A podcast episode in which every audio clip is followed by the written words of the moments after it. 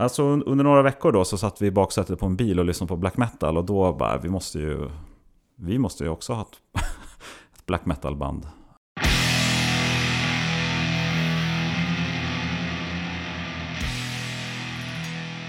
Det här är Ritualen och det är dags för avsnitt 7.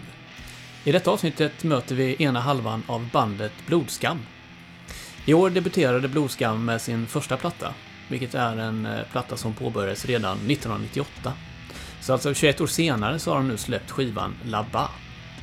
Vi kommer prata en hel del om eh, nya skivan förstås, men även lite spännande sidospår som bland annat Ace Frehley, CD-skivor, marmelad, incest, Gene Simons-hjärnor, historier från Säters mentalsjukhus, absint med cannabis och eh, ja, lite allt möjligt.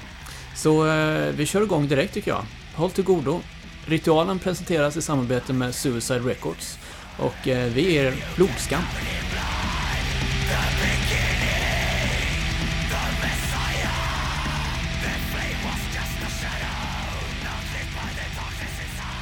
Nu sitter vi här i Årsta. Det är söndag. Det är mulet ute. Eller var det mulet nu när du kom? Ja, men det skulle jag säga. Ja. Klockan är 17.30. Tunga skyar. Ja, härligt. Hur mår du idag? Vad har du gjort? Jag har inte gjort jättemycket idag. Uh, ramlade ner i ett så kallat YouTube-hål med gamla recensioner av det gamla PC-spelet Doom. Åh, oh, okej. Okay. Från Hur gammalt är det? Ja. 93, tror Okej. jag. Eh, Så det väckte ju många gamla minnen. Vad hade man för... Då hade man ju en dator att spela det på. Ja, en Ja. PC. Och vi hade en 386 25 MHz. Fy fan vad fett. Och ultimat för att spela Doom var en 486 DX2 66 MHz. Okej. Gärna med 8 megabyte ram. 8 megabyte. Ja, Mm. Okej. Shit, var det en sån här hem-PC som föräldrarna köpte och betalade dyra pengar för varje månad? Subventionerad kommundator. Ja, det var det det? Nej, vi fick det senare. Ja, okej då. Alright.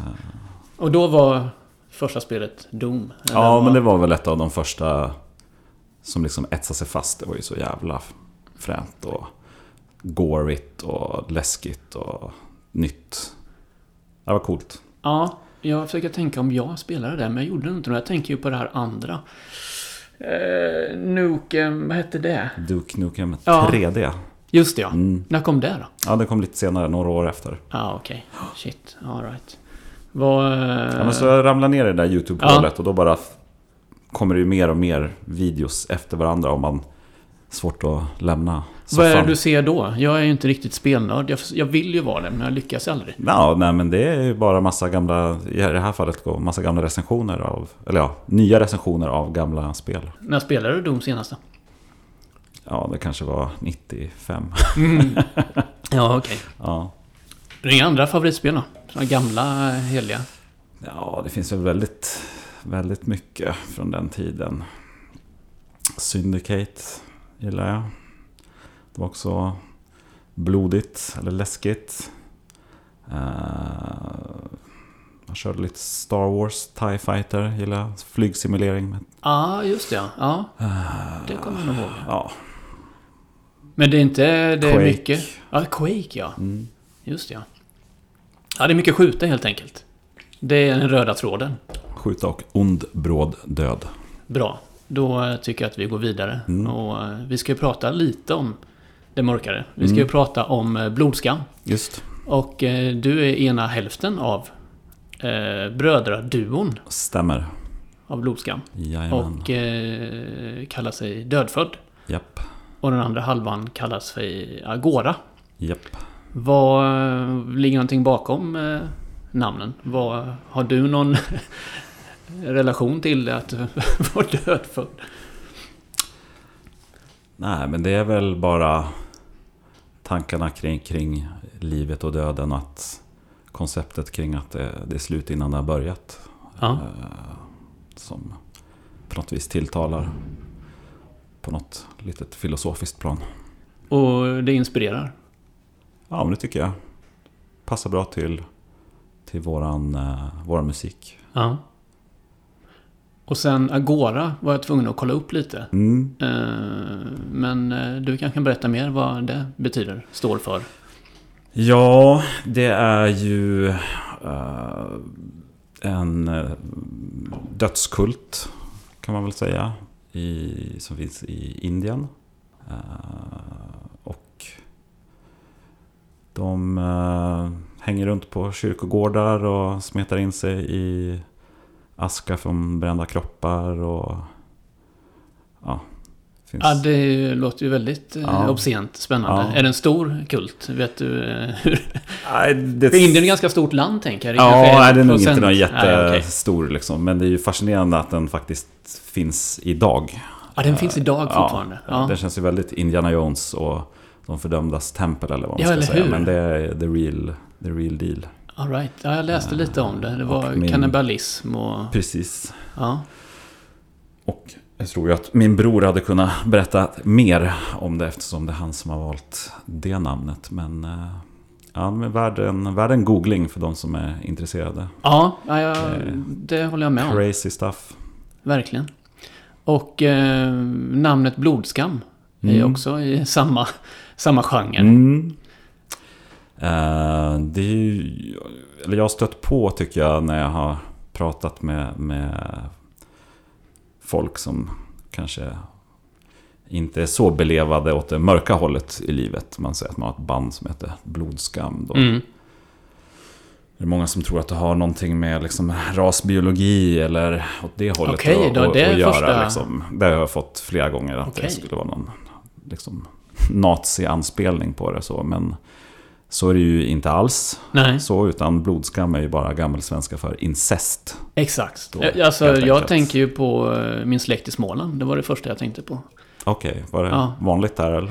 Eh, jag misstänker det. Jag har ju väldigt sneda tänder och jag tror att det har på, någon, på något sätt, lång tid tillbaka, Ja, har ja. följt med i generna.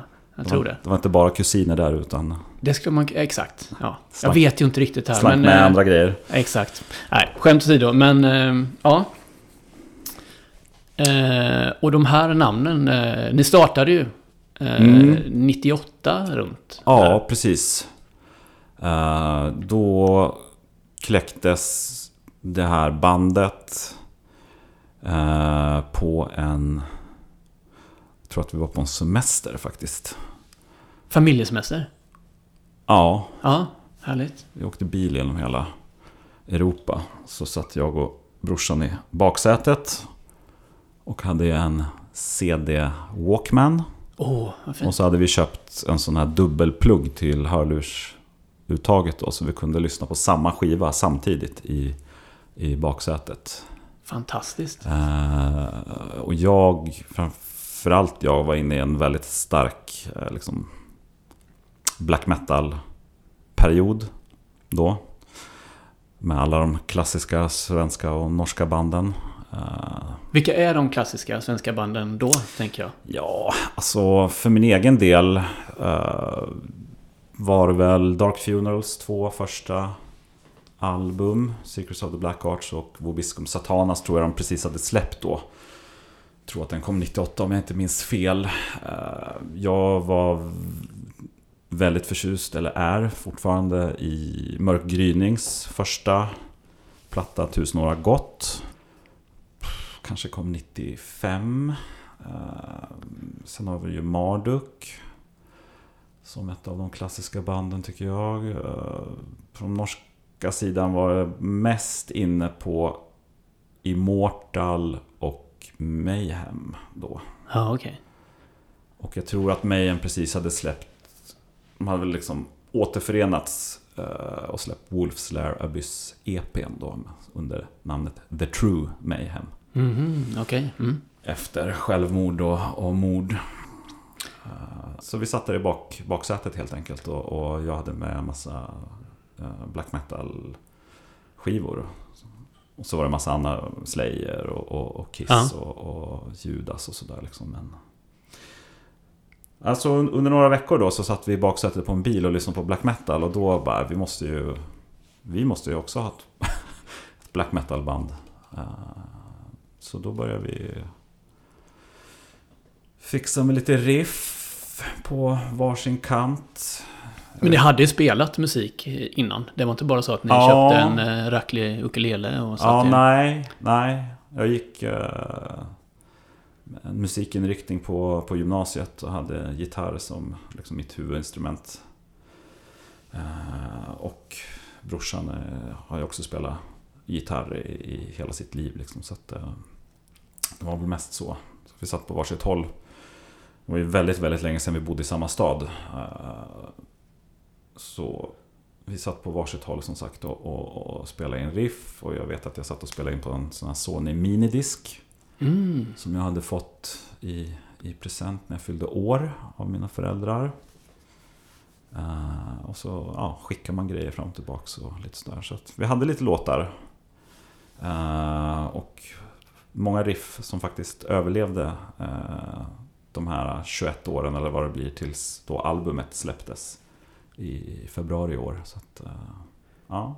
Det är ju fantastiskt. Ja, och så tog vi lite bandbilder på Uppsala gamla kyrkogård och eh, snyggt corpse paint såklart och mycket nitar och Det gjorde ni 98 då? Tog Jajamän, de bilderna? jajamän. Ja, okej. Då var ni bestämda att nu, nu Ja. ska ni släppa det här. yes.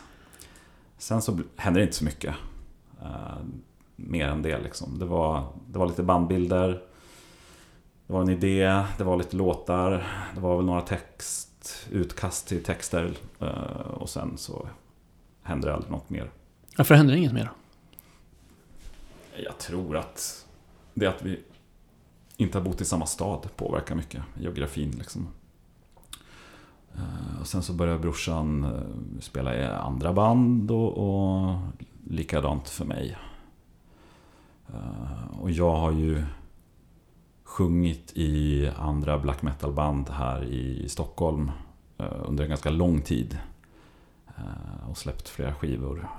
Så jag har väl kanske inte känt behovet rent kreativt att starta ett black metal-band. För att jag har redan haft min kanal för att uttrycka mig just kring när det kommer till black metal. Medan eh, Agora då inte har spelat i något black metal-band och haft andra, andra projekt. Så att jag tror att det har liksom fattats lite i hans kreativa pussel just black metal-biten. Eh, Så då tog han tag i det här och, och plockade upp de här gamla riffen och, och började även skriva eh, nytt material. Och det gick fort. Mm, När han börjar då, då går det fort och så blir det jävligt bra Ja, skulle jag säga. Så på ganska kort tid hade vi eh, material för, för ett album. Och så spelade han in eh, grunderna. Eh, han spelade gitarr och bas. Och så tog han in en eh, snubbe på trummor som är liksom sessionmusiker för skivan. Och sen så åkte jag upp till Dalarna en helg och, och la sången sen då. Sen var det klart. Sen var det klart. Jajamän. Och det blev eh, albumet Labba. Är det korrekt? Det är korrekt. Och det är franska. Jajamän. Och det betyder... Det betyder väl egentligen ungefär där borta. Ja, Eh, Eller där nere. Eh, Det är ju en bok som titeln är tagen ifrån. Och översatt i svensk översättning tror jag att den brukar heta I avgrunden. Eh, Som handlar om sataniska sällskap i, i Paris i, runt sekelskiftet. Där, så att, ja okej. Ja, för jag kollade lite runt på vad, vad, vad många olika översättningar. Det var Mm. avgrunden, det Mm. var där borta Ja. och det var, ja, som du säger. precis. Så det är ju, ja det är ju spännande. Mm. Men ni har alltid tolkat det som där borta. Det är så ni har. Det är det det betyder. Ja, jag har nog tänkt i avgrunden. Ja, okej. Eh, Ja. Mer liksom den svenska eh, titelöversättningen. Och eh, albumet har ni släppt på Suicide Records. Stämmer. Varför blev det just Suicide Records? Åh, nu måste jag tänka efter det här. Det har varit lite fram och tillbaka under en ganska lång tid där. Men Skivan blev färdig typ när då? jag tror att den var klar Ja, vad sjut- 2017 tror jag. Så för två år sedan eh, var den klar. Eh, och ja, vi hade ju lite grejer ute på, på Soundcloud, tror jag. vill ut några låtar. Uh, och tror Henrik på Suicide hade lyssnat på det på något vänster och tyckte det var väldigt bra. Uh, och visade intresse till att släppa skivan. Så jag vet att vi hade ett möte med honom då för länge sedan. Uh, och sen följde på eh, timing och finansiering. Och vi funderade länge på, ska vi försöka ge ut den själva? Eftersom det inte blev någonting då med Suicide. Eller ska vi bara släppa den på Spotify som en digital skiva? Bara för att folk ska få möjlighet att höra den. Mm. Det hade varit det smidigaste liksom för att bara få Ja, för då låg den ju bara i, i, i malpåse och liksom... Ja, vi kände ju att ja, nu är den ju klar men Mm. det händer liksom ingenting. Nej. Sen så fick vi till ett samarbete med ett gäng som heter Dalapop. Som delfinansierade skivan ihop med Suicide. Och då, ja, då fick vi till det helt enkelt. Mm. Ja, kul. Eh, och så släpptes den väl i, jag tror att det var, kan ha varit 6 februari tror jag. I år då Mm. på vinyl. Eh, guldsvart marble eh, vinyl. Ja, snyggt. Riktigt, riktigt fin blev den. Och vem eh, har gjort eh, artworket? Jag tycker att den var ju fantastisk eh, målning. Ja, det är ju också Dalarelaterat då. Eh, Agora bor ju i Falun. Eh, och han heter väl Kristoffer tror jag. Konstnären. Som har gjort det. Eh, han kallar sig för Horrible på Instagram. Mm, Okej, ja. Med kanske någon nolla istället för O och ett Ja, underscore på slutet. Såklart. Lite märkligt. ja. Men han gör grymt coola och mörka grejer liksom. Så att, eh, eh, vi kontaktade honom och han eh, nappade på en gång och gjorde då liksom en ja, custom artwork just för skivomslaget. Som är då den här ångestfyllda personen Mm, som man ser. verkligen. Jag får Mm. lägga ut en, eh, en bild sen på, Mm. eh, på sociala medier och visa. Eh, och skivan finns ju tillgänglig nu att köpa. Och den eh, finns ju kvar att beställa också. Absolut. Ja. Finns även på CD tror jag. Ja, Eh, jag har den inte själv på CD, Nej. men jag tror att den, den kom på vinyl och CD. för den som gillar det formatet. kassettband där. Jag tänker att när du satt med din kassettbandsson och lyssnade. Så, Mm. Ja, kanske vore något. eller var, sa du att det var CD du lyssnade på i bilen? CD hade vi i bilen. Ja, det var det Ja, som var i bilen ja. japp. Fan, det var inte så. Det var Det var mina riktigt- tankar Det som var riktigt high-tech där i, Ja. i baksätet. Verkligen. Dalapop också ja.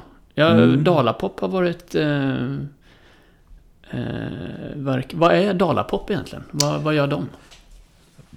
Jättebra fråga som Ja. jag har jättedålig koll på. Ja. Jag tror att de försöker stötta lokal kultur och framförallt musik eh, Ja, okej. med Ja. eh, liksom, ekonomiska tillskott. Ja, Eh, det är ju fantastiskt ju. ja, verkligen. Det vill bara lyfta det lite. Dalapop. Eh, och då är det ju egentligen för band i, i Dalarna såklart då. Precis. Inte överallt. Ja.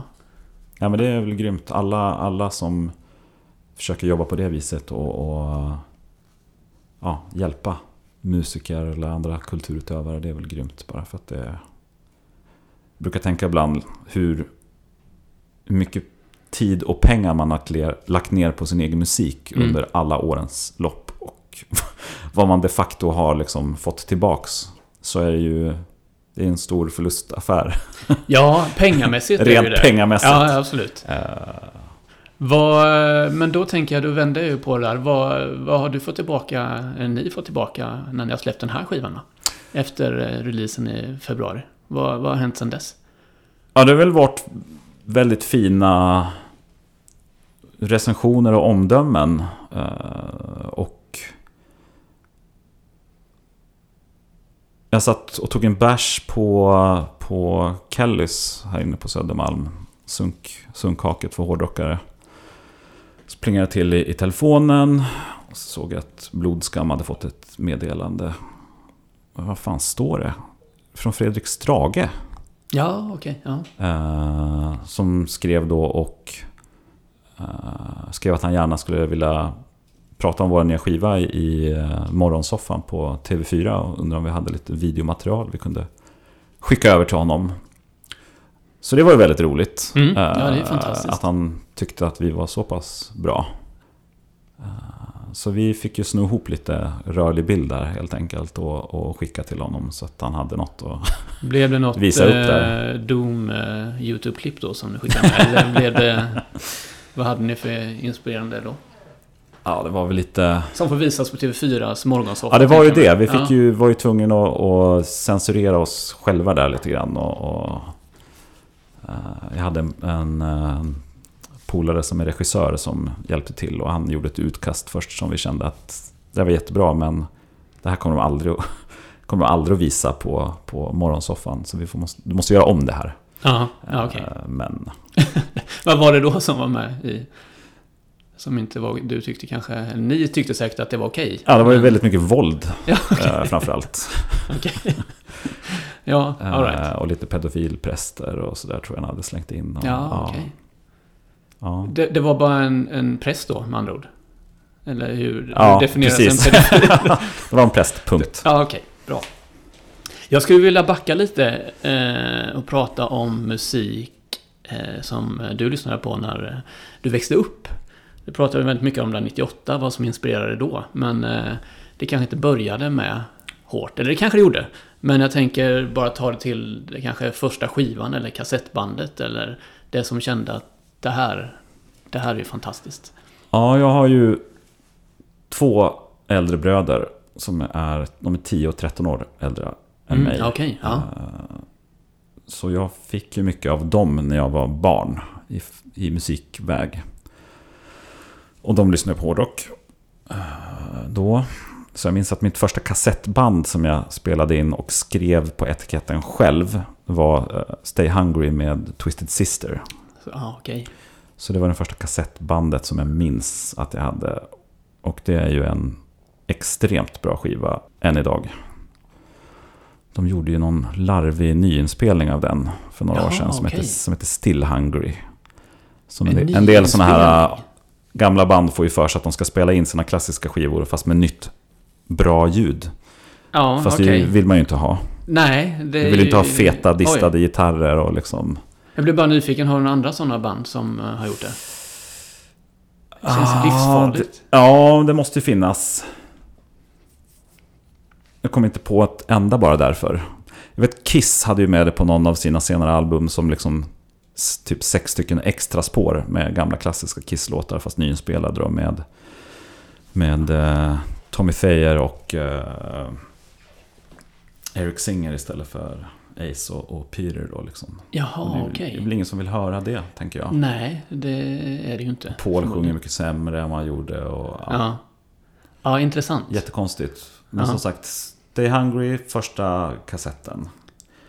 Sen har jag ett minne av en, den första CD-skivan jag köper eh, på den lokala skivbutiken. Då var det en samlingsskiva med Halloween. Som jag har förstått i efterhand var någon form av skandinavisk samlingsskiva. Eh, det tyckte jag var jävligt bra och jävligt hårt. Visste du Då. om att, eh, eller du köpte det på omslaget? Eller visste du att det här är ju... Ja, jag hade nog hört, hört någon låt liksom. Eh, Eller om jag provlyssnade i butiken. Men omslaget var ju coolt. Ja, ja, med alla såklart. pumporna och det här liksom. Ja, just det. Tilltalade när man var barn. Eh, Så den, också tidigt minne. Sen så lyckas jag spilla marmelad på den skivan. Så att den slutade ju fungera. Den och hackade som CD-skivor kan göra. Mm, mm. Och jag minns också att jag var helt förstörd. eh, Och bara grinade och var otröstlig. Tills min mamma diskade den i diskhon. Oh, Eh, Och då geni. försvann ju marmeladklicken och så gick du och lyssnade på den igen. Ah, då grät du av glädje, Ja, antar jag. ja. Ja, fantastiskt. Ja. Hur gammal var du då ungefär? Då? Det här måste ha varit på lågstadiet. Så Ja. säg sju år kanske, Ja. skulle jag tro. Men eh, vilket starkt intryck den skivan måste ha gjort. Om Ja. det tog så mycket av... Ja. ja. Minns den hade, det var ju lite blandat då från ja, Keeper of the Seven Keys och, och allt vad de heter de där. Men så var det på slutet var det kanske fyra, fem låtar från deras första skiva Walls of Jericho. Och, som Kai Hansen sjunger på. Och den är ju betydligt hårdare än allt de gjorde sen. Mm. Råare och hårdare liksom. Så den skivan, Walls of Jericho, tycker jag än idag är en av mina favorit hårdrocksplattor. Liksom. Innan Halloween blev power metal. Mm. Tror man ansåg att de spelade den ut, numera utdöda genren speed metal. Ah, Okej. På, på Walls of Jericho-skivan. Eh, vad, vad fanns det mer då? Eh, Halloween eh, och vad var det mer för band som började komma därefter? Ja, jag hade en enormt långvarig period när jag nästan bara lyssnade på Kiss. Man kan nog säga hela låg och mellanstadiet. Tror jag. Och då bara sminkade Kiss. Eh, Mm. Från 73 till 82 då. Kan man säga. Så det var ju jävligt insnöat.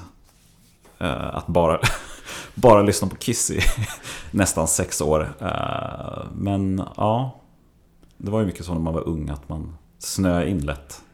Mm. Eh, Så jag lyssnade på Kiss. Alla de andra coola kidsen i klassen, de var ju inblandade i det här kriget att man skulle välja Metallica eller Guns N' Roses.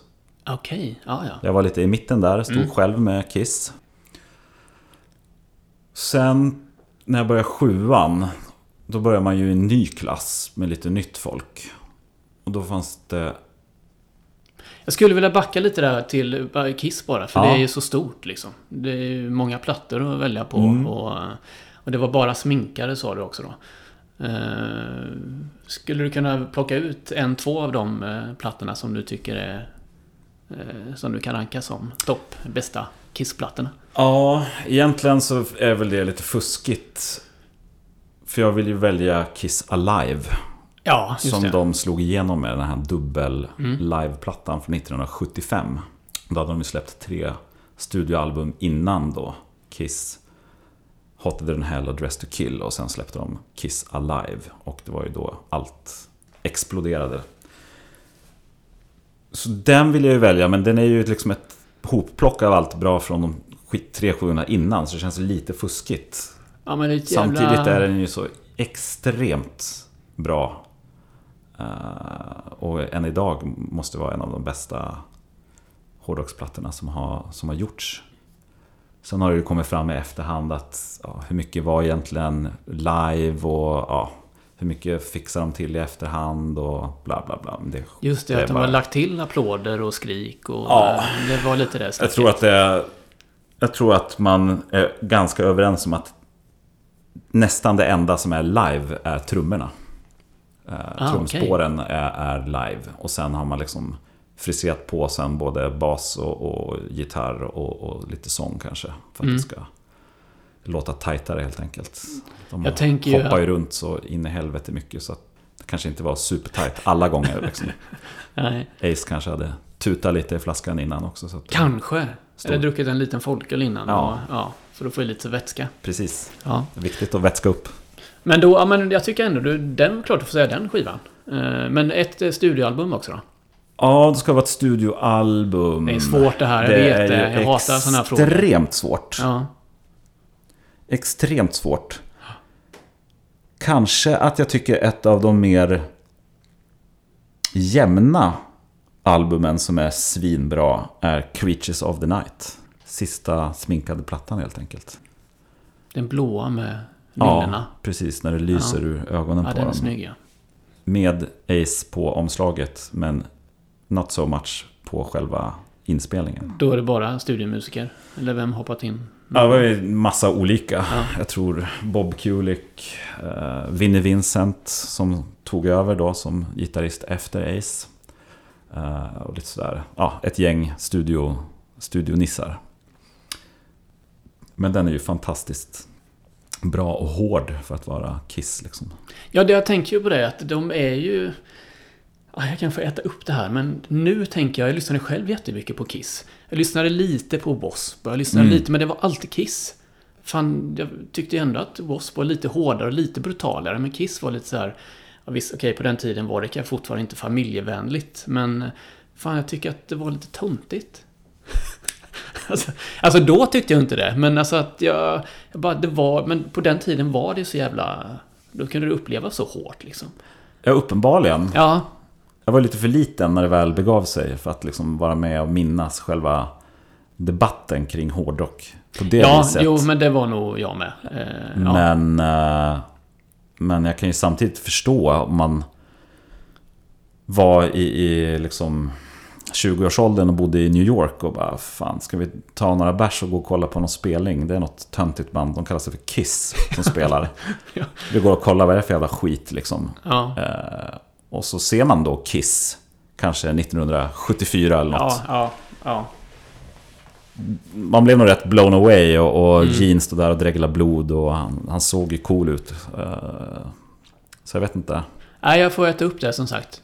The Ja. times they are changing som Ja. det heter. Just det. Verkligen.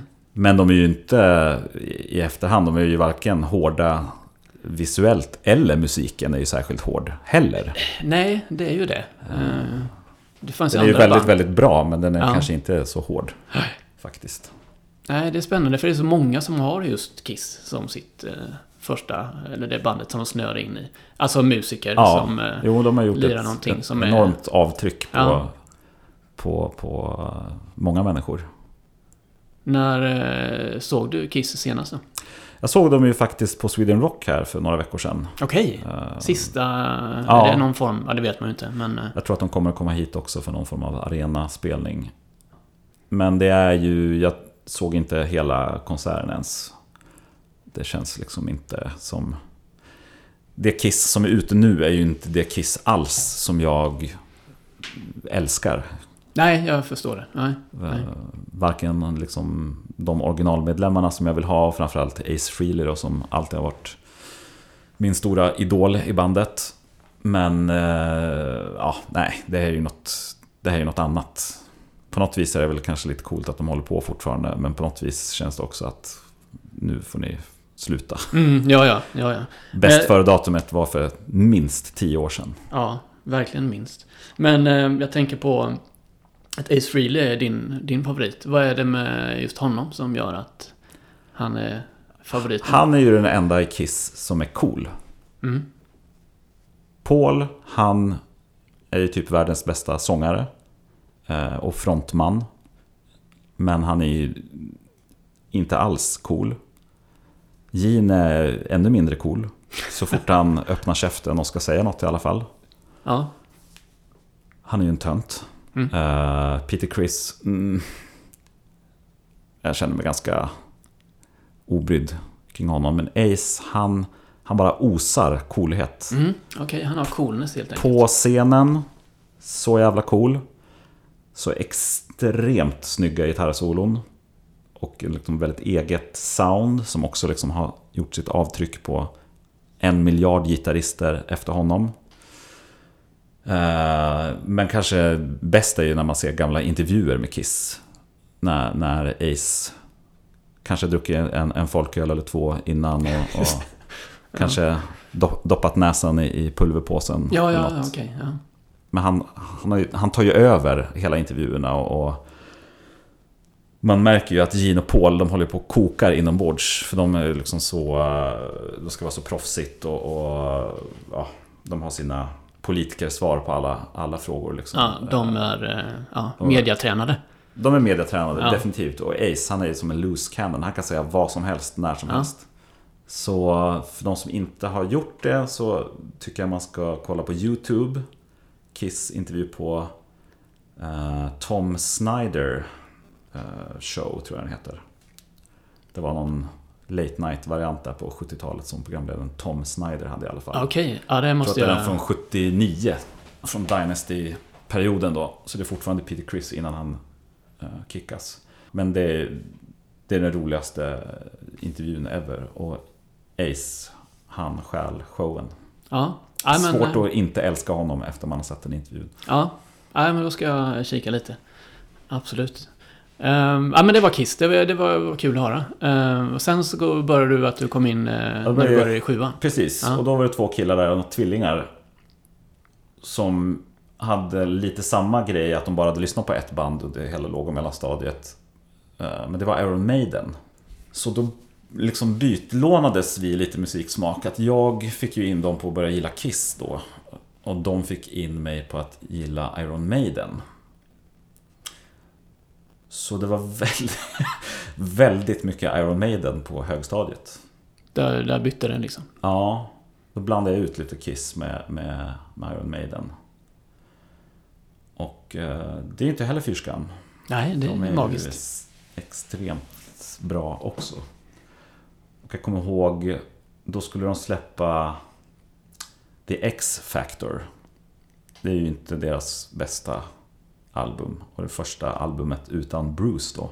Mm. Med Blaze Bailey på sång. Och då får man tänka att det här var lite före internetåldern där man kunde kolla upp information på nätet. Men det började florera ett rykte om att Blaze Bailey, det var en tjej. Så vi Iron Maiden-fans var ju ganska upprörda. Hur kunde de byta ut Bruce Dickinson mot en tjej? Ja, det är fruktansvärt. Och ingen kunde kolla att det inte var så. Nej. Eller vem, vem det var liksom. Men sen så ja, var det Blaze Bailey och det var ju en man då i alla fall. Okej.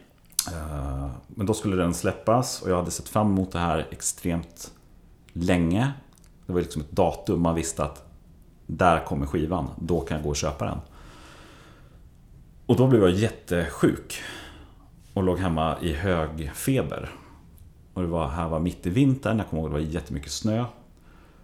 Men då var ju min ömma moder då, hon som diskade halloween-skivan Åh. och fick bort marmeladklutten där. Vilken fantastisk kvinna Hon gick är. ut och köpte den skivan åt mig när jag själv inte kunde för att jag var sjuk. Eh, Så kom hon hem sen med den, så fick jag lyssna på den. Den var ju inte jättebra. Blev du ännu sjukare då? Ja, men typ. Och Ja. Blaze, han sjunger ju inte så bra heller sådär jämfört med, jämfört med Bruce. Det var lite besvikelse.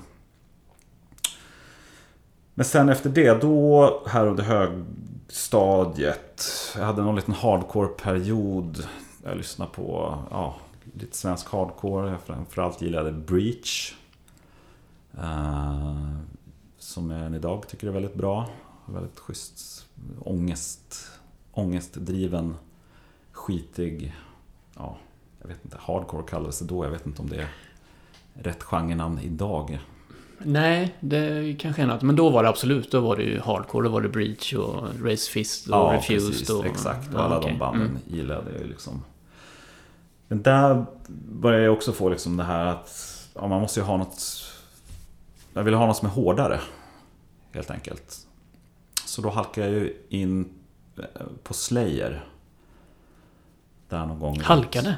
Ja, eller liksom det kom som en naturlig utveckling Mm. från de här hardcore-banden.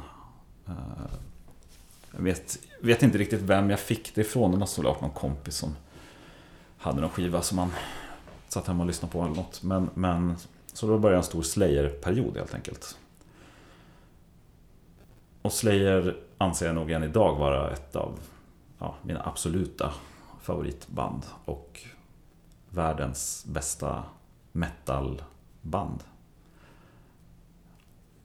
Och från då Slayer och annan thrash som man började lyssna på där, då blev det ju kom det in lite dödsmetall och sen så kom svartmetallen då. Det var väl där man det riktigt klickade till. Kommer du ihåg vad den första var eh, med svartmetallen du hörde? då? Svårt. Jag har många minnen och jag har lite svårt att avgöra vilket som var först. Jag hade en kompis, han lyssnade mycket på Cradle of Filth. Men det kände jag och min kompis Joar redan då att men det här är lite töntigt. Mm, lite töntigt. Lite töntigt. Ja, ja. Med Cradle of Filth och hela den här vampyr-imagen de hade tilltalade oss inte riktigt. Uh, Mörk gryning, Tusen år har gått har jag väldigt tidiga minnen till. Jag köpte den på CD på en sån här stadsmarknad som kom en gång per år med lite karuseller och, och grejer. Uh, jag kommer ihåg första gången jag hörde Battles in the North med Immortal.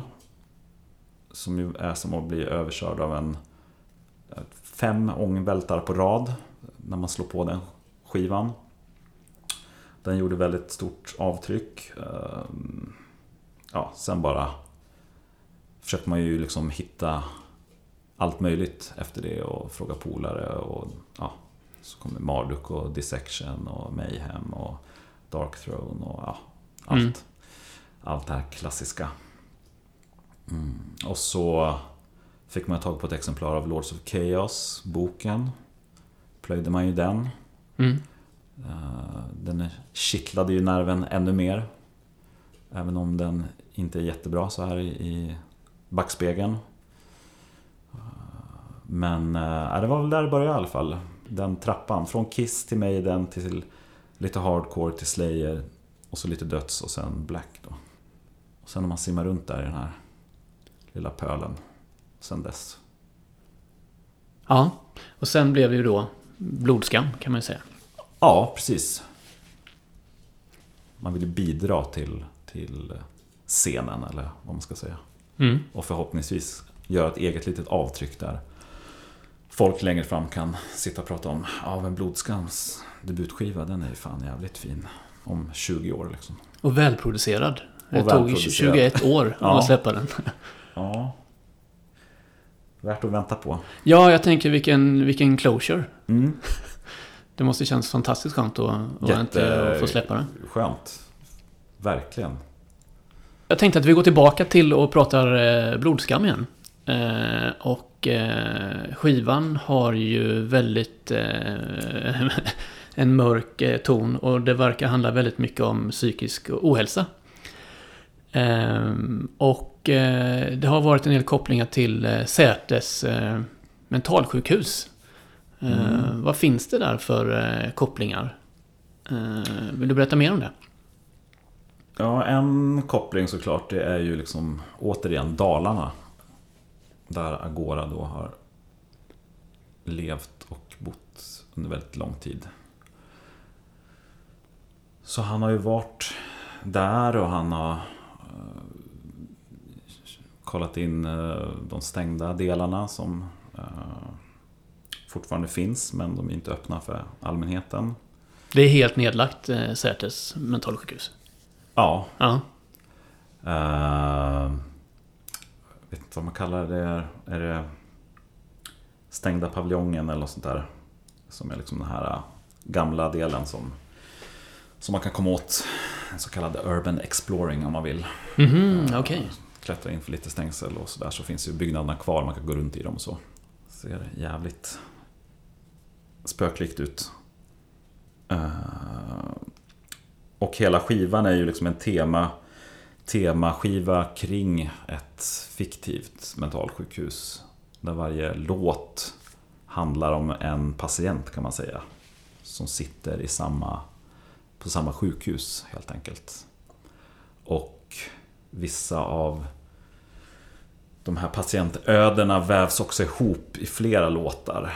Eh, på ett, i mitt tycke, rätt snyggt sätt.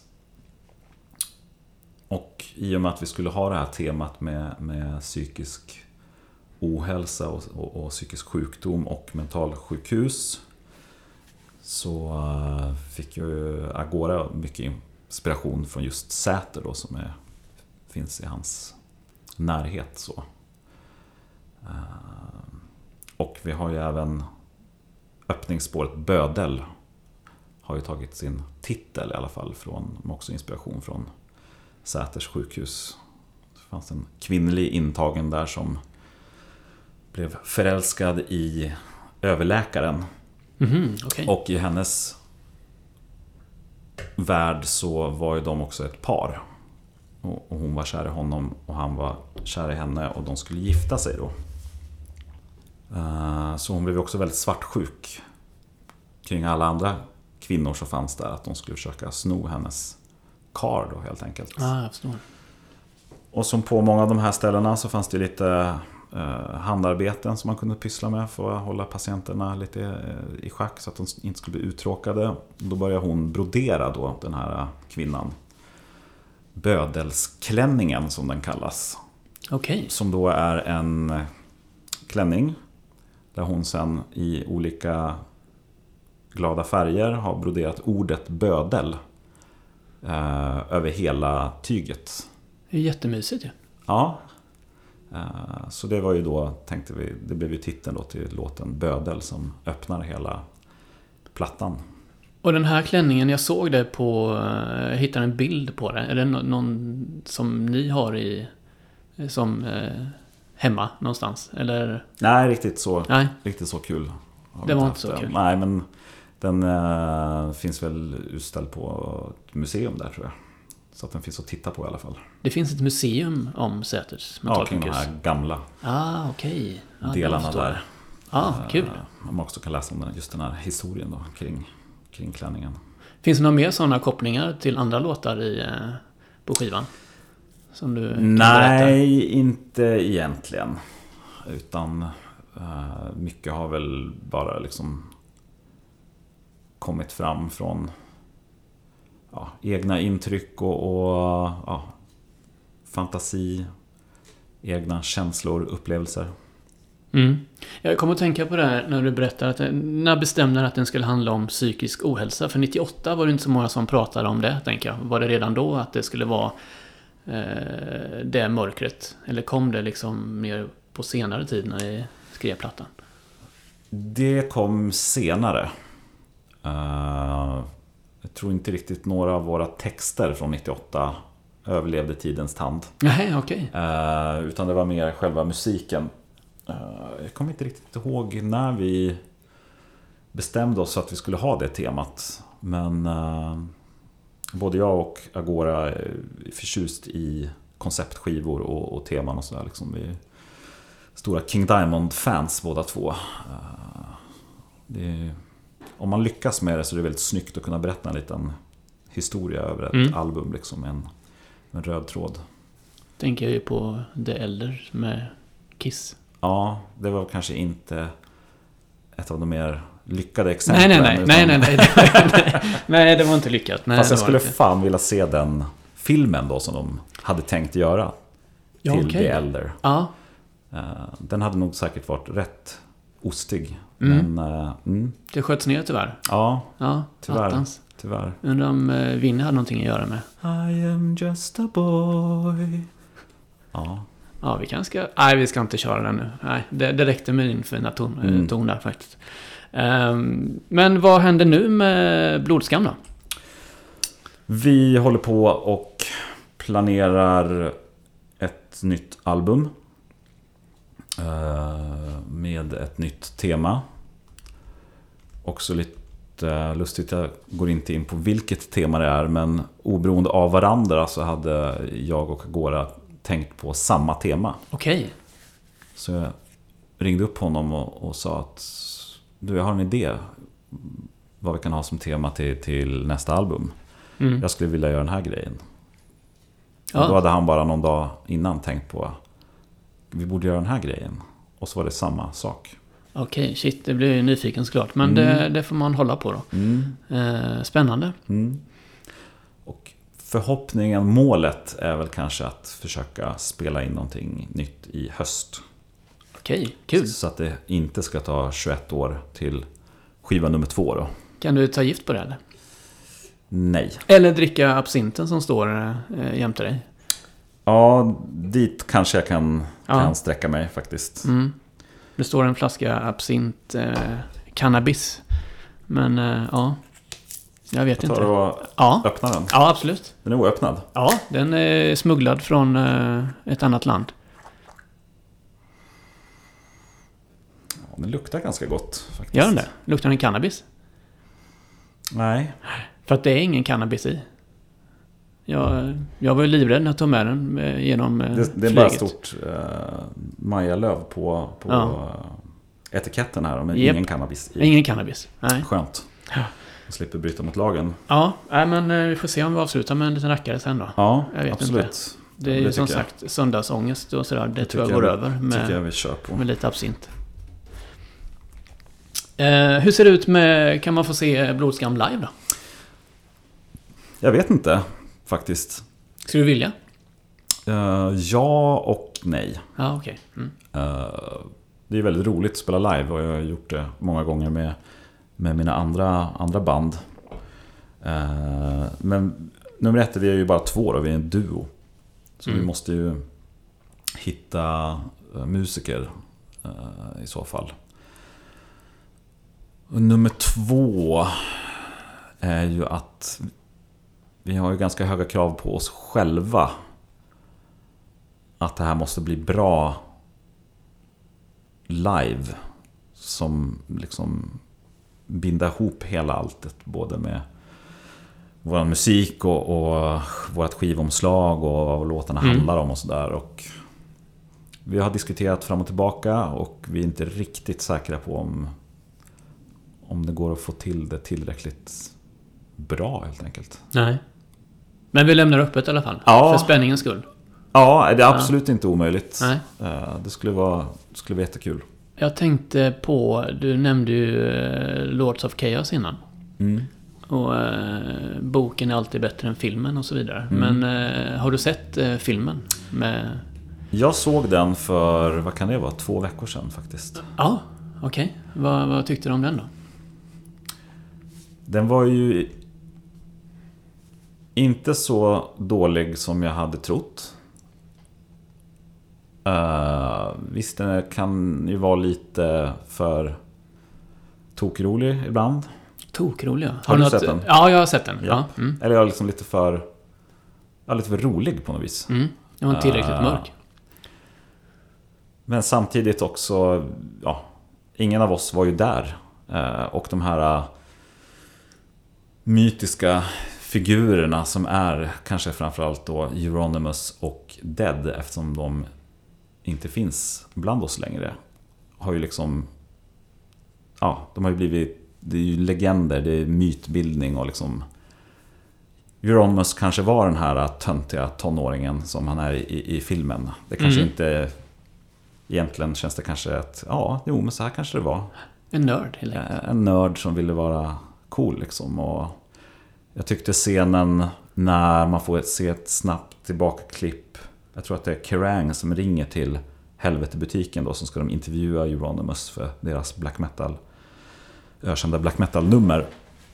Och så pratar de liksom, ja men eran sångare han tog ju livet av sig. Hur gick det efter det liksom? Och så får man se ett snabbt tillbakaklipp när Euronymous hittar då Pelle när han har tagit livet av sig.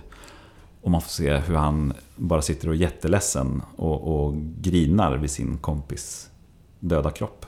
Mm. Så tänker jag att, ja, det känns kanske inte helt otroligt att han reagerade på det viset när hans polare tog livet av sig och han var den som hittade kroppen. Han kanske inte var så jävla kallhamrad och, och, och cool som, som liksom den här myten säger efter. Nej. Eh, Och som han själv eh, liksom odlade då.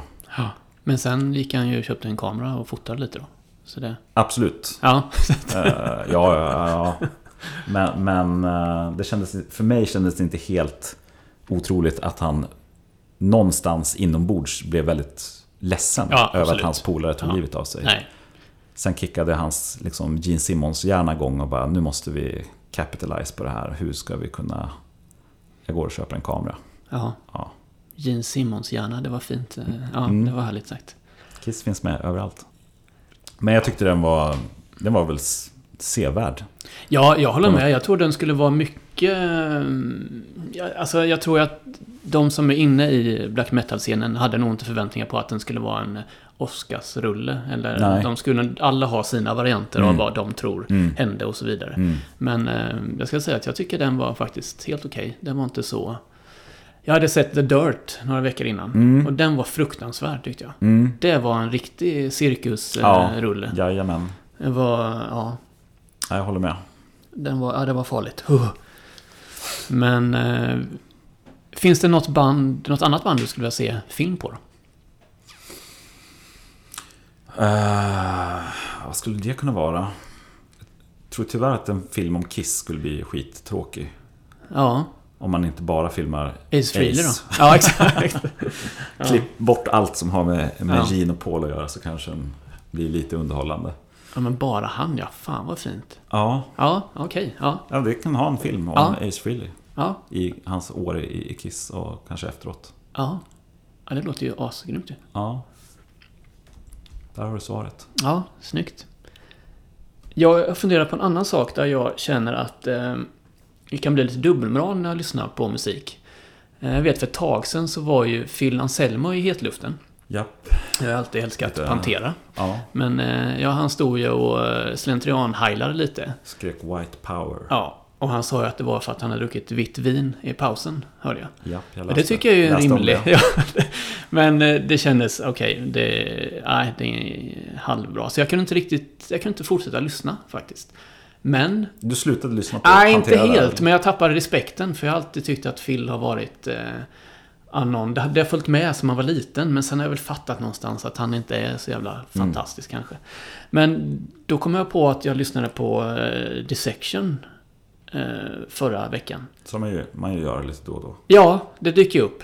Eh, och jag lyssnar bara på en platta och nu kommer jag inte på vad den heter. Den blå. Vilken... eh, Du tänker nog kanske på Storm of the Lights Bane? just eller- det, Ja. exakt. Den är det. Ja. Och där är ju, är ju sångaren Jon är dömd för mord. Precis. Ja. Så att då känner jag att, men då känns det okej. Vad är det som gör att, eh, inte okej, men det är ändå i black metal så är det väldigt mycket Nej, jag ska inte säga mycket, men det finns vissa band där det har varit mycket tragedier och någon är dömd för det. Men där liksom slätar man över på något sätt. Eller tycker du jag har fel? Nej, absolut inte. Men jag tänker att det kanske är lite som... Om man drar paralleller till liksom gangsta-rap eller något. Liksom, Ja. Det är mycket våldskapital i genren. Eller liksom, man ska ha blivit skjuten 19 gånger och man kanske sköt ihjäl någon annan så var det bara coolt. Och det har väl varit lite samma sak i black metal. Vi pratar om Euronymous och, och, och Greven och sådär. Liksom att ja, men vi, vi är på riktigt. Det, är ju, det har ju alltid varit viktigt. Det ska vara true. Ja, Tjatas just det är det. ju fortfarande om. Det ska Mm. vara true. Det ska vara äkta det här liksom. Så håller du på och sjunger om, om eh, död och, och dödsdyrkan och hej och hå. Då ska det väl... Det är väl inget konstigt om du mördar någon. Det liksom, ja.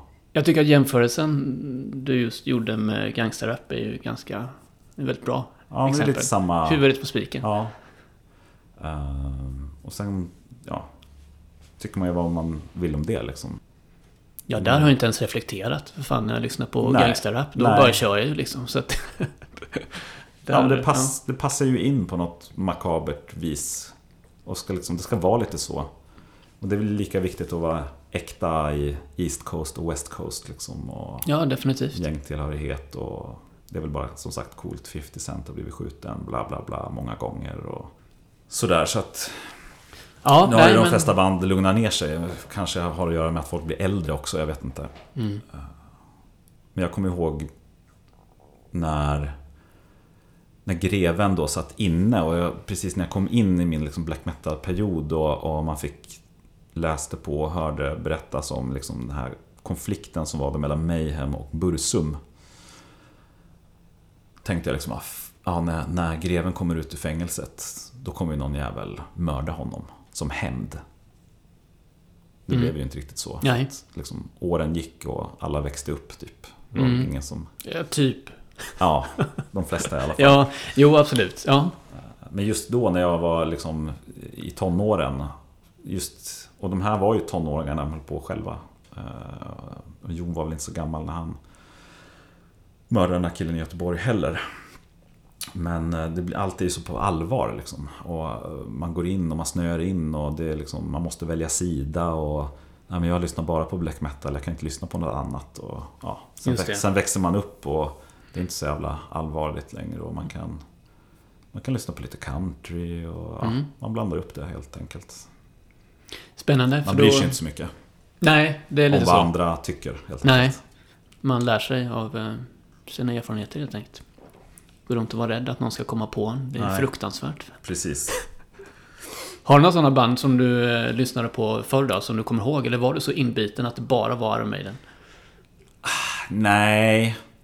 Jag hade några skivor med Millencolin, vet jag. Ja, alright. Ja. Lite skatepunk. Var det lite jobbigt att berätta för andra att du lyssnade på det? Lyssnade på det som mig? Ja, det var väl inte något som man... Som var, det var inte det creddigaste att dra upp om man satt och, och skulle lyssna på black metal. Liksom. Nej. Du har ingen Millencolin t-shirt? Jo, det hade jag nog. Jaha, okej. Jag tror Ja. jag hade en när jag gick i sjuan. ja, Ja, coolt. faktiskt. Med en banan på. Just ja. Mm. Ja,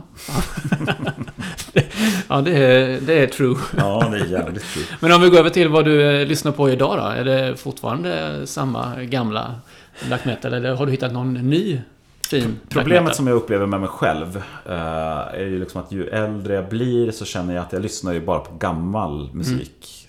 Jag har liksom svårt att, att hitta, tycker jag, bra ny musik. Och man, jag söker inte lika aktivt som jag gjorde när jag var ung heller. Eh, så jag kan liksom jag kan tycka att det är lite tråkigt gjort av mig. Men eh, rent om man ser till, till eh, black metal då här på slutet så tycker jag att Batushkas debutalbum är riktigt, riktigt bra. Är det några ryska, polska? Polska, precis. Polska? Okej. Ja. Och sen har vi andra polackerna, är Mgła. Eh, Är också väldigt bra. De är lite blåsväder nu också tror jag. Jaha. Nazi eh, kopplingar på något vis. Får se vad det blir av det. Men det känns som att det är också en sån provocerande... Ja, det är ju väldigt vanligt. Ja, Ja, jag vet inte på något vis. eh, Man blir helt, eller jag blir, blir helt luttrad. Jag orkar inte bry mig så mycket. Så. Man vet att det är ganska vanligt. Mm. eh, I det här liksom. Det ska vara så extremt. Mm. Eh, Men, eh, ja, men Batushka Mgwa är väldigt bra. Eh, Ja, annars vet jag inte. Jag tycker om man lyssnar på samma gamla, samma gamla band liksom. Kiss. Absolut. Iron Maiden. Det låter fantastiskt. Ehm, Jag tänkte att vi skulle avrunda lite här. Ehm, Och sen tänker jag att vi borde göra en eh, liten playlist. Mm. Och skicka ut med de banden vi har nämnt. Låter asbra. Ehm, Så att eh, vi kan dela med oss. För jag tror ingen har hört Iron Maiden eller Kiss exempelvis. Nej, Det kan Jag känner kul. att jag måste sprida evangeliet där. Ja, Så att verkligen. fler upptäcker de här banden. Svinbra. Eh, tack så mycket för att du kom hit. Och eh, lycka till i fortsättningen. Tack. Och hälsa Agora. Hej!